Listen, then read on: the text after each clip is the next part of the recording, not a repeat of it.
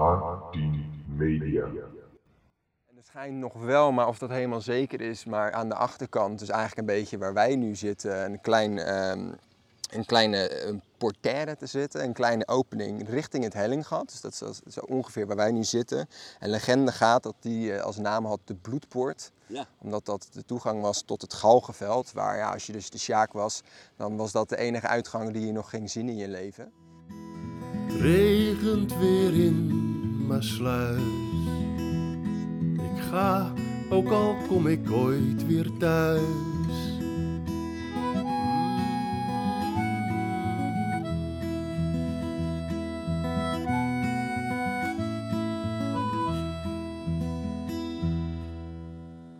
Hallo allemaal en welkom bij een nieuwe aflevering van de Maasluizen podcast.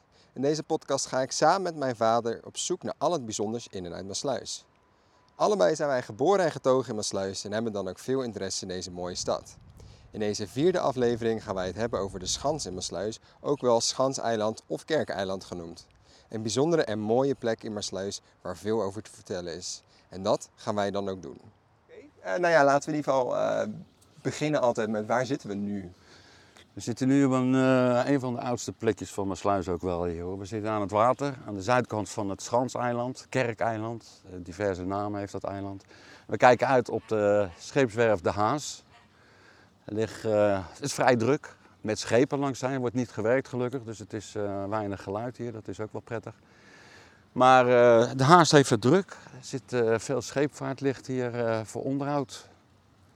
Ja, ik Ja. zie inderdaad, eh, volgens mij weet ik ook, ze hebben veel onderhoudscontracten met ja, overheidsinstanties. Dus ik zie Rijkswaterstaat, ik zie de douane, ik zie een boot van de reddingsbrigade. eh, daar verderop ligt eh, The Guardian uit Urk, dat zal ook, ja, wat was dat ook alweer? Het is, het is, het is de Guardian, een Ja. beveiliger, dus dat vaart eigenlijk rond op zee voor, ik weet niet precies wat ze doen hoor, maar bewaken van tonnen, van eh, pijpleidingen en noem maar op. Ik denk dat ze zoiets bij, bij, bij platforms liggen op zee en Ja. zo. Ja. Ja, dus wij kijken uit in ieder geval over de, de, de scheepswerf van de Haas. En eh, aan, ja, eigenlijk achter ons, de, de kade waar wij aan zitten, grenst aan ehm, een heel groot grasveld dat op het Schanseiland ligt, of Kerkeiland. Ehm, en dat is ook waar wij het vandaag over gaan hebben, over ja, de Schans of het Kerkeiland of Schanseiland. Er zijn verschillende namen onder Maasluizers of Maasluizenaren bekend. Ehm, maar hoe is deze plek eigenlijk ontstaan? Wat is de geschiedenis van deze plek? Het is eh, ver terug in de tijd was dit een zandplaat of een stukje on, ontgonnen land eigenlijk. Wel redelijk omringd door water, maar niet totaal een eiland al. Dat is pas later gekomen. Ehm, het was eigenlijk, het lag buiten de havenkom. Het werd niet gebruikt door niemand. Ja, de eerste vissers die hier zaten zetten een bootje nog wel eens droog hier op, dat, op die zand. Het was echt zandplaat. Eh, met hoog water erop zetten, laag water konden ze erbij. En zo is het een beetje begonnen. Maar de grote ontwikkelingen kwamen pas toen men het belang zag van de locatie van dit gebied ten opzichte van de sluizen. Ja. En het was een stad aan de waterweg, maar sluis samen met Brielen. En het was gewoon een belangrijk punt. En we hebben het dan met name over de 80-jarige oorlog, waar echt eh, heel Maasluis toch wel veel onder te leden heeft gehad. Alleen niet Maasluis natuurlijk, dat hele gebied hier. En toen zag men het belang in van, eh, van deze locatie om er iets mee te doen, iets, een verdedigingswerk te Ja. gaan maken. Maar dan ga je terug naar de 80-jarige oorlog en die was van, Ja, voor mij zitten we dan een beetje rond het was 1568, 1570. eh, moet ik heel even, eh, misschien dat een geschiedenisleraar mij nu op de, de vingers tikt. Maar we zitten in ieder geval rond die periode. Wat ik wel heb begrepen is dat het gebied toebehoorde aan de kerk. Ja. Eh, maar inderdaad, zo rond die, eh, het begin van die 80-jarige oorlog is er dus besloten om hier een, ehm, ja, een, een, fort te bouwen. Ja. Ter bescherming van de sluizen. Want ja, wie de sluizen eigenlijk beheerde, beheerde ook eh, het achterland daarachter. Daar hebben we het natuurlijk al in aflevering 1 over gehad. Ja. Dus dat was heel belangrijk dat die sluizen dus goed beschermd werden. Ehm, en ja, die schans is toen gemaakt onder leiding van volgens mij echt de opperbevelhebber was Wil- Willem van Oranje. Ja. Eh, maar de persoon die hier vooral heel veel bij betrokken was, was eh, Philips Marnix Sint-Aldegonde. Ja. Als ik het goed zeg. Ja. Die heeft hier toen echt eh, een, een fort gemaakt. in de opdracht van Willem van Oranje. Ja. Hij was raadsheer van Willem van Oranje. was een bekwame man. En die heeft hier fort gebouwd. Ik moet niet te veel bij voorstellen, het fort hoor. Waar, aardewallen en een paar eh, houten hutjes erin, maar meer, ook, meer stelde het ook echt niet voor Nee. toen de tijd. Het is wel diverse keren in handen overgegaan van de geuzen, Oh ja. de Nederlanders of de, de Spanjolen. De een na de ander nam het dan weer in en et cetera. Dus het is wel een paar keer van eh, eigenaar veranderd. Het belang daarvan is eigenlijk voor een aantal jaren maar belangrijk geweest. En toen werd die 80-jarige oorlog nam wat af en het belang werd wat minder van het fort. En Ja. ja, dat was eigenlijk het einde van het fort. Je kan het wel zien aan de vorm van het eiland. Diverse dingen zijn wel verdwenen. Het is hier en daar rechtgetrokken, de kaders en dergelijke allemaal. Maar als je goed kijkt kan je wel zien dat hier en daar een paar punten in zitten. Ja. Wat typerend is voor een schans. eh, Ja, en ook om zo'n schans werden dan eh, ja, ter bescherming grachten gegraven. En dat zien we eigenlijk nog wel een beetje terug in dan de, de Noordscheer en het eh, Hellinggat. Ja. Die een onderdeel dus eigenlijk vormden van het waterverdedig de waterverdedigingslinie van, eh, van dat fort. Ja. En jij zei inderdaad, na de eerste helft van die 80-jarige oorlog was het inderdaad heel roerig hier. De, ja, er werd dan weer de Geuzen, dan weer de Spanjaarden. En op een gegeven moment ehm, ja, was dat steeds minder nodig. Het is misschien nog wel even goed om aan te geven dat de ingang van eh, het fort zat, eh, als je de, vanuit het centrum de Schansbrug overloopt, dan kom je op een gegeven moment op de kruising van de Marnixkade, de Kerkstraat en de Ankerstraat. En daar was eigenlijk de poort die de toegang gaf tot, eh, tot daadwerkelijk, ja, inderdaad, die, die, die plaats hier zo, het fort, de Schans. schans. En veel, dat was de enige toegang eigenlijk. Het is ook begrijpelijk, uiteraard. eh, meer had je ook niet nodig. En er schijnt nog wel, maar of dat helemaal zeker is, maar aan de achterkant, dus eigenlijk een beetje waar wij nu zitten, een, klein, ehm, een kleine een portaire te zitten, een kleine opening richting het Hellinggat. Dus dat is, dat is ongeveer waar wij nu zitten. En legende gaat dat die eh, als naam had de Bloedpoort, Ja, omdat dat de toegang was tot het Galgenveld, waar ja, als je dus de Sjaak was, dan was dat de enige uitgang die je nog ging zien in je leven. Ja. En ehm, ja, ze denken waarschijnlijk dat er in mijn thuis ongeveer drie galgenvelden zijn geweest. Dus eentje hier, eentje op de Lange Bonenstraat en eentje op de Wip. En eh, daar komt misschien ook wel de naam Wip vandaan, want dat was het luik ja, onder de gallig. Ja. Een andere woord voor het luik onder de gallig. Ja. Dus dat is weer een mooi triviaatje zo tussen neus en lippen door. Ja. Maar goed, op een gegeven moment was dat, eh, dat fort eigenlijk dus niet meer zo heel erg nodig. Nee, er werd afgebroken. Nog even een kleine kanttekening eraan. Dat fort hield niet alleen op. eh, het fort was op het eiland gebouwd, maar het hele schans-idee liep eigenlijk verder het oude gedeelte van mijn sluis in. Eh, als je eigenlijk vanuit de lucht kijkt op de foto, dan zie je nog wel eigenlijk de. de, de als- we gaan bijvoorbeeld naar de Fortegracht, de Goudsteen. De Fortegracht komt aan, een, aan de naam. Mensen vragen zich wel af waar komt de naam Fortegracht vandaan. Nou, dat heeft hier waarschijnlijk mee te maken. De markt, zoals de oude markt waar de waker zit, was vroeger een, eh, een vliet, een gracht, die van de Noordvliet naar de Zuidvliet liep. Met twee bruggetjes liepen er overheen. In 1720 is dat verdwenen en gedempt. Maar dat was ook een onderdeel van de schans. En die liep dan door de Nieuwstraat in, Zuiddijk op. En daar liep aan de andere kant van de Zuiddijk liep je tegen de Zuidgeer aan. Liep ook water natuurlijk. Ja. Dus eigenlijk was dat, de schans idee was allemaal groter Ja. dan het eiland alleen. Alleen het is nooit helemaal uitgevoerd, waar we net zeggen. Het is maar van een hele korte duur geweest dat het belangrijk was. Ja. Maar je kan het wel terugzien dat het eigenlijk groter was dan alleen het eiland. Ja. ja, want als je inderdaad ook zeg maar, op Google Maps bijvoorbeeld van boven zou kijken, dan zie je ook dat de, de markt, dus inderdaad waar de waker zit, en de goudsteen, dat dat vormde eigenlijk een punt. Of Ja. dat is eigenlijk nog steeds een punt, maar steeds, dat zie ja. je bij veel forten en eh, natuurlijk dat soort dergelijke dingen. Ja. Allemaal punten met water eromheen. Dus die, die vormgeving zie je nog wel als je Ja. goed kijkt. Dat inderdaad. Maar goed, het belang, het was toen op een gegeven moment afgelopen en ze zaten hier met een berg eh, aarde natuurlijk. En het is afgebroken. Er was nog geen bestemming voor op dat moment is afgebroken. Het is wel leuk om te weten, als we hier ook zitten en we kijken richting Grote Kerk, dan zie je het grasveld oplopen. Oh ja. En die hele aardewal, dat was niet veel, maar natuurlijk wel veel aarde gebruikt. Dat is allemaal uitgevlakt op het eiland. Waardoor het eiland, en zeker het centrum, allemaal hoger ligt dan de omgeving. Ik denk, nou is dat wel zo? Nou, we kijken hier iets omhoog, dus dat klopt wel. Maar een andere indicatie is op de haven, 24, staat nog een vloedsteen. En dan kun je zien hoe hoog het water in 1953 is geweest. Ja. Dat staat bijna tot aan je nek. En er zit hier om de hoek in de Ankerstraat zit ook een gevelsteen, een vloedsteen. En dan komt hij maar tot je knieën. Dat betekent eigenlijk al dat er een meter, dit een meter hoger Ja. ligt dan de haven en het gebied eromheen allemaal. Dus het is wel degelijk hoger dan eh, de rest van het Ja. buitendijkse gedeelte hier. Ja, en dat aarde inderdaad van die wallen, dus dat waren verdedigingswallen, maar dat is dus gebruikt om, eh, en ik, wist wel dat het gebruikt was om het te verhogen, maar nu jij inderdaad zegt, nu wij naar het grasveld kijken, zie ik het ook zeker oplopen. Dat is trouwens het grasveld waar er met de Furiade nog wel eens een foodtruckfestival wordt gegeven, voor de mensen die dat eh, weten. Nou, en toen hebben ze dus die, die, die, die, die, dat, dat schans, zeg maar, hebben ze zoveel mogelijk geëgaliseerd. En ze kwamen op één plek uit, daar was het wel wat hoger. En daarop hebben ze die kerk gebouwd, de Ja. grote kerk. En Ja. dat is trouwens ook de reden dat hij, hij ligt dus hoger. En daardoor is hij tijdens de 1953 watersnoodramp ook droog gebleven. En daar hebben we het in onze vorige aflevering in ieder geval over gehad, over vloeden. Maar dat is dus eigenlijk een, een, een, ja, een gevolg van die aardewallen eh, egaliseren. Toen hebben ze daar dus eh, de kerk op gebouwd. Want dit gedeelte, het Schanseiland, was dus ehm, van de kerk. Ja. En eh, dat waren eh, op dat moment zo rond, eh, nou het werd gesloopt, het fort zo rond 1611. En nou, toen op een gegeven moment hebben ze, er is een kadasterkaart uit 1621 waarop ze een indeling hebben gemaakt. En dus ook al wat erven hadden verkocht aan eh, scheepswerven en aan, aan woningen, of om woningen te maken. Want het was een perfecte plek natuurlijk voor scheepswerven hier. Ja.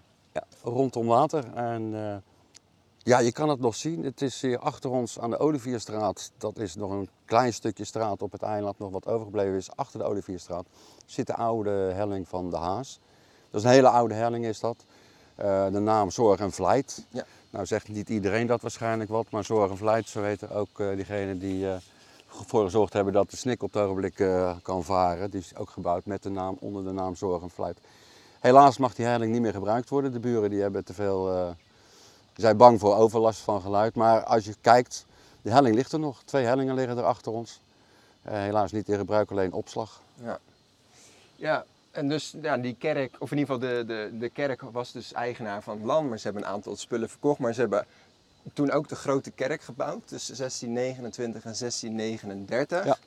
Hij, werd de grote, of hij wordt de grote kerk genoemd, omdat het toen de tijd ook nog een kleine kerk was. Ehm, die is trouwens gesloten nadat de grote kerk was geopend. Ehm, dus dat is een beetje hoe ehm, uiteindelijk de, de huidige, of in ieder geval grotendeels de huidige vormgeving zoals wij het nu zien, zoals wij het nu kennen, is ontstaan. Ja. En nou ja, het is een eiland, eh, maar er zijn ook verbindingen geweest met eh, het, ja, het, het vasteland, om het maar even zo te Ja. zeggen. En op dit moment zijn er twee. Eh, de Hellinggatbrug, daar kijken wij nu, die zit nu links van ons. En de Schansbrug, die we een aantal keer hebben genoemd. Maar er was ook een derde verbinding. Ja, die zit hier achter jou dan. Eigenlijk was verbinding tussen de, de oude helling van eh, de Haas en de nieuwe dan. Het was een dijk, een dam was dat. Het was gewoon een vaste dam. En die is toen aangelegd, toen het belang van de schans niet zo groot meer was natuurlijk. Om toch wel te zorgen dat het water bleef stromen door de Noordgeer heen en niet buitenom door het Hellinggat heen. Want het water in de Noordgeer, hoog en laag water, was nodig om de havenkom op diepte te houden. Ja. En heb je een open verbinding, dan eh, vervalt dat voordeel. Dus die dam heb je hier heel lang gelegen hier tussenin. Je had toen een tijd drie verbindingen, vaste verbindingen met, eh, met de overkant. Ja.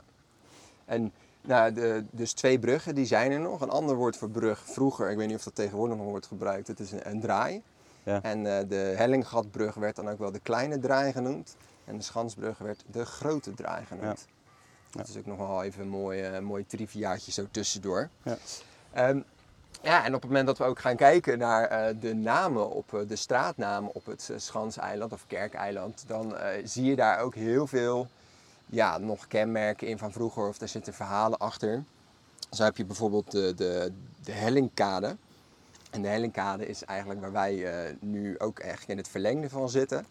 En dat heette vroeger het zandpad. Ja, En wij kennen nu het zandpad als een straat, nou, iets meer richting, ja, richting Vlaardingen. Dus achter de Taanstraat of tussen de Taanstraat moet ik even heel goed nadenken. Maar dat heette waarschijnlijk het zandpad omdat op de, he- op de hoek van de Hellingkade en de Haringkade, dus waar de, de, Hel- de Hellinggatbrug st- staat, stond een hele grote zandbak. En die vormde, daar konden boten met lege vaten eh, dat als belast gebruiken om nou ja, uiteraard naar buiten te komen, een beetje stabiliteit te krijgen. daar komt dat vandaan, ja. En dan hebben we ook nog de, die vind ik eh, persoonlijk altijd wel mooi, want dat vroeg ik me eigenlijk altijd af, de breugomslop. Wij kunnen het naambordje van hier zien. Het zit eh, aan het huis vast, Ankerstraat 16, daar komen we later nog op terug. Maar de breugomslop bestaat eigenlijk uit, nou wat zijn het? Volgens mij eh, nou, misschien twee huizen en een garage. Ja, En misschien is het zelfs maar één huis. ja maar dat is nu. Hè. Kijk, Ja. en die, waar die heg loopt, daar ginds, stonden ook huizen aan deze kant. Dus dat was echt wel een slop met Ja. eh, een hele rij huizen die eh, dicht op elkaar. Voor de kerk heb je dan een, eh, ook een stukje groen. Er stonden ook huizen, pakhuizen hebben daar gestaan. Het was een vrij smal straatje met toch veel woningen er nog aan. Ja, want dat is ook, slop betekent ook een smalle straat. Smalle straat, ja. Smalle straat. Ja. En Breugom, de, die naam komt waarschijnlijk van iemand die hier toen leefde, Jan Breugom. En waarschijnlijk komt de naam daar vandaan. Zoals je misschien ook al merkt, ja, soms is ook niet altijd duidelijk waar bepaalde namen nou exact vandaan komen. Dus eh, ja, op het moment dat iemand denkt, nou volgens mij heeft dat toch een andere verklaring, laat het uiteraard ons weten. Ja. Ehm, dat is ook met vogels zo, maar ik ga nu niet afwijken naar het onderwerp vogels, anders zijn we heel veel tijd kwijt. Ehm, ja, en nou, ik noemde net al eh, de, de Haringkade natuurlijk. Ja, De Haringkade ligt dus in het verlengde van de Hellinggatbrug. En de Haringkade kijkt eigenlijk uit op de huizen aan de haven, eh, haven Inda bijvoorbeeld. Nou, en daar zit ook, dat waren voorheen voornamelijk pakhuizen. Dat Ja. was een hele, ja, eh, eigenlijk een kade waar heel veel verandering qua gebouwen plaatsvond. En een van de ja, belangrijkste veranderingen, of ook nog het meest recente, is eh, de oliefabriek die daar kwam. Ja, dat was de, familie, of de fabriek De Ploeg. En die heeft nog wat voet in de aarde gehad. Dat was door een, een grote fabriek, verontreinigend. Geluidsoverlast, stankoverlast. En toch ook wel gevaar voor brand en explosies en noem maar op. Er zijn diverse branden geweest in De Ploeg. Eh, die mensen die hier in de, de achter woonden eigenlijk en op de Marnixkade hebben heel veel geprotesteerd tegen de aanwezigheid en die wilden dat weg. Een van de bekende borden die om huis hing was Yankee Go Home. Ja, wat hebben Yankees ermee te maken? Op het laatste moment is dat overgenomen, het bedrijf, door een Amerikaans bedrijf. Ja. Het is toen, na 1980 is dat afgefikt en ook nooit meer eh, teruggekomen. Het heeft wel heel lang geduurd voordat het helemaal gesloopt werd. Maar eh, het is een hele bekende geweest in mijn sluis. Veel mensen werkten eruit mijn sluis, dus het waren natuurlijk voorstanders en tegenstanders. Ja, werk is werk. Maar hij is toch verdwenen. Ja. Ja, en die, die oliefabriek De Ploeg, dat, eh, nou, dat was dus een molenaar uit Nooddorp, die heette Verploeg. En die heeft uiteindelijk dus, eh er was een veiling voor deze plek, zeg maar. En eh, daar was die in strijd met de gemeente. Want de gemeente was eigenlijk op zoek naar een, eh, een woning voor burgemeester Dormissen. Ja, ja. Maar ze hebben die veiling verloren, want nou, die vent uit Nooddorp die had gewoon meer, meer geld, meer stacks. En toen is uiteindelijk die burgemeester op de Veerstraat gaan wonen. Maar inderdaad, die oliefabriek die stond hier. En nou, eerst vooral gemalen mais of geplette mais voor veevoer. Maar uiteindelijk zijn ze overgestapt uit olie uit sojabonen. Dat was vlak voor de Tweede Wereldoorlog. Ehm, en uiteindelijk inderdaad zijn ze begonnen met een raffinaderij, slaolie in plastic flessen. En toen in 1980 is die inderdaad, toen was die inderdaad in handen van Amerikanen. Ja. Toen is die afgebrand en toen eh, is er dus besloten om, ja, volgens in ieder geval de contouren van die kadasterkaart uit 1621, die je kunt vinden voor de mensen die het boek hebben liggen, de atlas van Maassluis met kaarten van Maassluis, is die eigenlijk de, de contouren van dat blok, dus Ankerstraat, Hellingkade, Haringkade. En dat is zijn, ja, volgens die officiële eerste contouren weer teruggemaakt. Ja. En eh, kenmerken van die eh, oliefabriek kun je op het binnenplaatsje van de schans, zeg maar, van dat blok nog wel zien. Omdat er stonden drie olietanks en die hadden een, een zeshoekige fundering, een betonnen fundering. En daarop, twee van die funderingen zijn nu de bergingen gebouwd. Dus je- dat is in, in een cirkel. En een binnenpleintje met eh, kunstgras. Ja.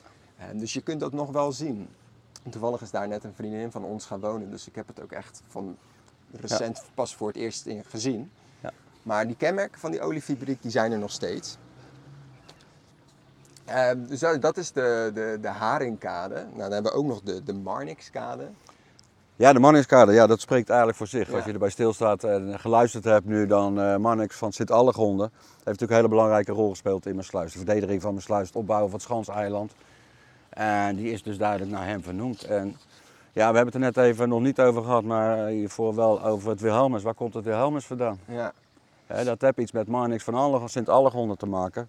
Dus het is niet zomaar een persoon. Voor mijn sluis heeft hij heel wat gedaan, maar als het zo is dat hij ook het Wilhelmus eh, heeft geschreven, dan is het natuurlijk wel een heel bijzonder mens. Ja. En dan zo'n klein stukje kade die dan Ma- Marnixkade heet, is dan...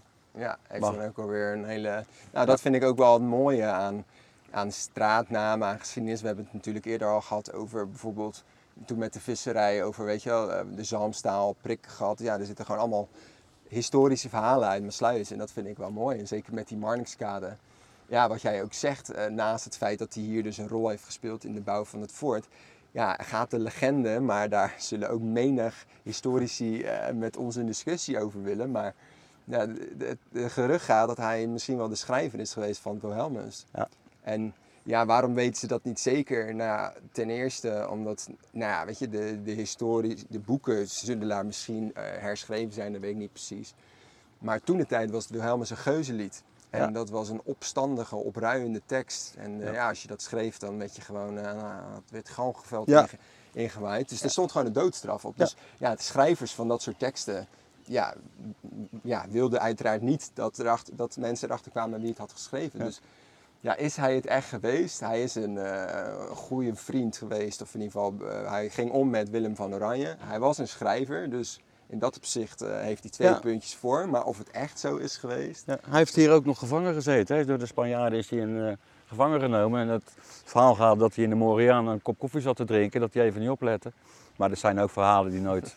Maar dat, dat gaat al rond. En eh, ja, hij is wel gevangen genomen geweest Ja. door de Spanjaarden. Dus het is wel iemand met status. Die, Ja. Dus nou hebben we het alleen maar over de Marningskade nog. Ja, we hebben nog nou, een we paar hebben- eh, mooie straten hier. Jazeker, en ik heb er eigenlijk nog eentje die ik echt, eh, echt nog wel wil benoemen, omdat ik vind dat daar vooral een heel mooi verhaal aan zit. En dat is de Ankerstraat. En de Ankerstraat, eigenlijk als je dus de Schansbru- Schansbrug overfietst of rijdt, dan heb je rechts de Marningskade en op een gegeven moment kom je in de Ankerstraat. En eigenlijk denken misschien veel mensen, of misschien ook niet, van nou, die naam is eigenlijk wel heel goed verklaarbaar. Want scheepswerven, rederijen, dus dat zijn mensen die boten hebben. Ehm, ja, en ankers. Maar ankers werden hier eigenlijk helemaal niet gemaakt. Nee. En de Ankerstraat komt eigenlijk van het oud-Franse woord ankeira. Ankera, dat, dat moet ik heel even eh, zeker weten of dat klopt, maar goed. En dat woord betekent ehm, wijnvat. Want vroeger was een anker, een ankertje vis, een ankertje wijn, dat was een inhoudsmaat. En die wijnvaten of die kuipen, die werden hier wel gemaakt. Ja. Want wij kijken nu inderdaad naar Ankerstraat 16. En dat is natuurlijk zeker, eh, een, dat was een klein kuiperijtje. Maar ik heb begrepen dat het uiteindelijk wel echt een grote kuiperij is geworden. Eigenaar was eh, de heer Dirkswagen. Die heeft dat toen de tijd eh, laten bouwen. En die is daar begonnen. Dus dat wel op grote schaal is dat toen gebruikt als kuiperij. Ja. Rijke historie. Het gebouw staat er nog steeds. Ja. Het is nu in, gekocht door Hendrik de Keizer Stichting. Die is eigenaar en die verhuurt het op het ogenblik aan iemand die eh ledenwaren tassen verkoopt of zo. Maar dat is een pand wat eh, onder eh, beheer zit van Hendrik de Keizer. Die daar wel heel goed werk mee verricht. Anders zou het misschien al lang verdwenen geweest Ja. zijn. Hebben we nog een straat waarvan jij denkt... Nou, niet wel een naam. De Kraton had je het nog over. Ja. Kijk, en dat is eigenlijk het stukje waar we nu zitten. Er is helemaal niets meer van over. Het is dat lege grasveld. Maar hier hebben we vroeger wel twee rijen woningen gestaan. Lage, goedkope arbeiderswoningen, maar werden niet alleen voor arbeiders gebruikt. Andere mensen gingen er ook in met eh, wat, Ja. wat Nou ja, dat kraton, dat is dus dat is een Maleisisch woord, K-R-A-T-O-N. En dat betekent eigenlijk residentie of paleis. Eh, maar dat was eigenlijk, werd dat hier gebruikt in havensteden, werd eigenlijk als cynisch woord gebruikt. Want waar begon het? Het begon in de grote havens, eh, Amsterdam en Rotterdam. En dan kwamen boten uit verre oorden en die kwamen dan hier. En daar zaten dan allemaal, eh, nou ja, weet je, ratten, wandberen, dat zijn een soort insecten. Dus wat ze deden is, eh, die boten werden luchtdicht gemaakt. En daar ging dan gas in. En er werd dan ook wel gezegd, het schip wordt uitgegast. Dus tegen al die insecten. Dan moest de be- bemanning uiteraard van boord. En die bemanning werd dan tijdelijk ondergebracht in... Nou, dat waren dan vaak een beetje slechte hotels verwaarloosde huizen.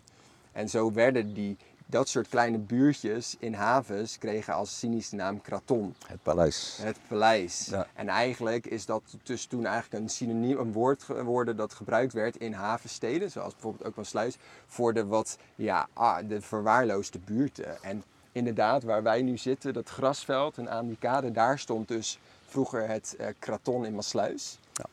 En eh, dat is in de jaren 60 is dat, eh, is dat afgebroken. En ja, nu is dat dus inderdaad een grasveld waar wij zitten. Dus dat is eh, verdwenen. Dat kon ook niet anders, want het was eh, echt een slechte staat wat ik nog gezien heb van de oudere foto's. Ehm, wat moeten we nog meer? Wat voor straten hebben we nog meer hier gezet? Kerkplein uiteraard. Het Kerkplein, uiteraard. Het Kerkplein, dat is, eh, er staan ook nog wel wat oude, oudere historische panden staan eraan. Ja. Eentje met de vloedsteen. Vloedstenen, die zie je dus ook veel. Welke ik ook, en eh, dat eh, gebruiken we ook gelijk misschien nog een afsluitertje, vind ik persoonlijk namelijk een van de mooiste straten van Maasluis. Het komt ook omdat ik daar recht, eh, loodrecht tegenover woon. Dat is de Kerkstraat. Het is een heel klein straatje. Ja, dat, ja. moment dat je de Schansbrug wederom weer overfietst. En dan ga je niet gelijk naar rechts, maar de tweede rechts eigenlijk, dus niet langs de Noordgeer. Ja, ik kijk vanuit mijn erker precies die straat in en ik zie een heel mooi klein schattig straatje met, als je ook stiekem bij binnen- mensen naar binnen kijkt, is het wel heel modern en strak verbinden. Dus ik vind het mooi dat een hele authentieke, karakteristieke buitenkant en dan mooie bomen en dan die grote kerk met die kerkdeuren. Ja, dat vind ik toch wel een, een- echt een, een fotostraat, een fotogenieke straat. Dat Ja. zie ik ook volgens mij wel af en toe. Ja. Maar dat vind ik toch wel persoonlijk een van de, van de, van de mooiste straten van Maasluis. Ja, eh, dat klopt ook helemaal. Heeft veel veranderingen ook al wel ondergaan hoor. Eh, We hebben nog één stukje, dat moet eigenlijk ook nog even vermeld worden. Als we hier verderop kijken, zien we de bejaardenwoningen tussen eh, naast de Oh ja. kerk en de Olivierstraat hoor. Die zijn allemaal nieuw. Nieuw, ja, na de Tweede Wereldoorlog. Het is natuurlijk wel een bombardement geweest. Dat weet iedereen al veel van. Maar het Kerkeiland is ook getroffen. Die woningen daar, daar stonden ook een aantal panden, fabriekspanden, bedrijfspanden die eh, gebombardeerd zijn. De zijkant van de kerk is eh, zwaar beschadigd, gelukkig niet ingestort. Die hebben ze kunnen repareren. En naar aanleiding daarvan is in de, op het veld voor de kerk, waar vroeger de begraafplaats was, maar die is toen geruimd, is nu een bombardementmonument Ja. eh, gekomen en dergelijke. Dus dat is nog wel even vermeldenswaard. Dat er toch wel een prachtig mooi monument daar staat Ja. met de stenen en met de namen erin van de mensen die omgekomen zijn. Er zijn er natuurlijk 18 mensen omgekomen bij het bombardement. Maar toch een groot gedeelte hier op het, eh, op het eiland en net op de dijk, eh, op Ja. de Noorddijk. Ja, en dat is ook zeker een onderwerp waar we nog een, eh, een aflevering aan gaan wijden. Ehm, dus dat is ook zeker het bezoeken waard als je dat nog nooit hebt gezien. En sowieso het Kerkeiland natuurlijk. Ik denk dat we een hele hoop dingen hebben benoemd. En ik denk dat het een mooie tijd is voor ons om weer lekker een eh, bak koffie te gaan halen. Is helemaal goed. Ik denk dat we het meeste allemaal gehad hebben over het eh, Kerkeiland, het Schanseiland. Ja. Het blijft een stukje, apart stukje Maasluis. Mooi stukje om even een wandeling overheen te maken. Zeker het bezoeken waard. Ja. En met weer een bakkie eindigen deze vierde aflevering van de Maasluizen podcast. In deze aflevering hebben wij het gehad over de Schans, ook wel bekend als Kerkeiland of het Schanseiland. Hopelijk vond je het interessant en voor meer informatie kun je ons ook volgen op Instagram of Twitter at de podcast. Mocht je nog vragen of opmerkingen hebben, dan horen we dat uiteraard graag. Voor nu bedankt voor het luisteren en hopelijk tot de volgende keer. Regent weer in Maasluis. Ik ga, ook al kom ik ooit weer thuis.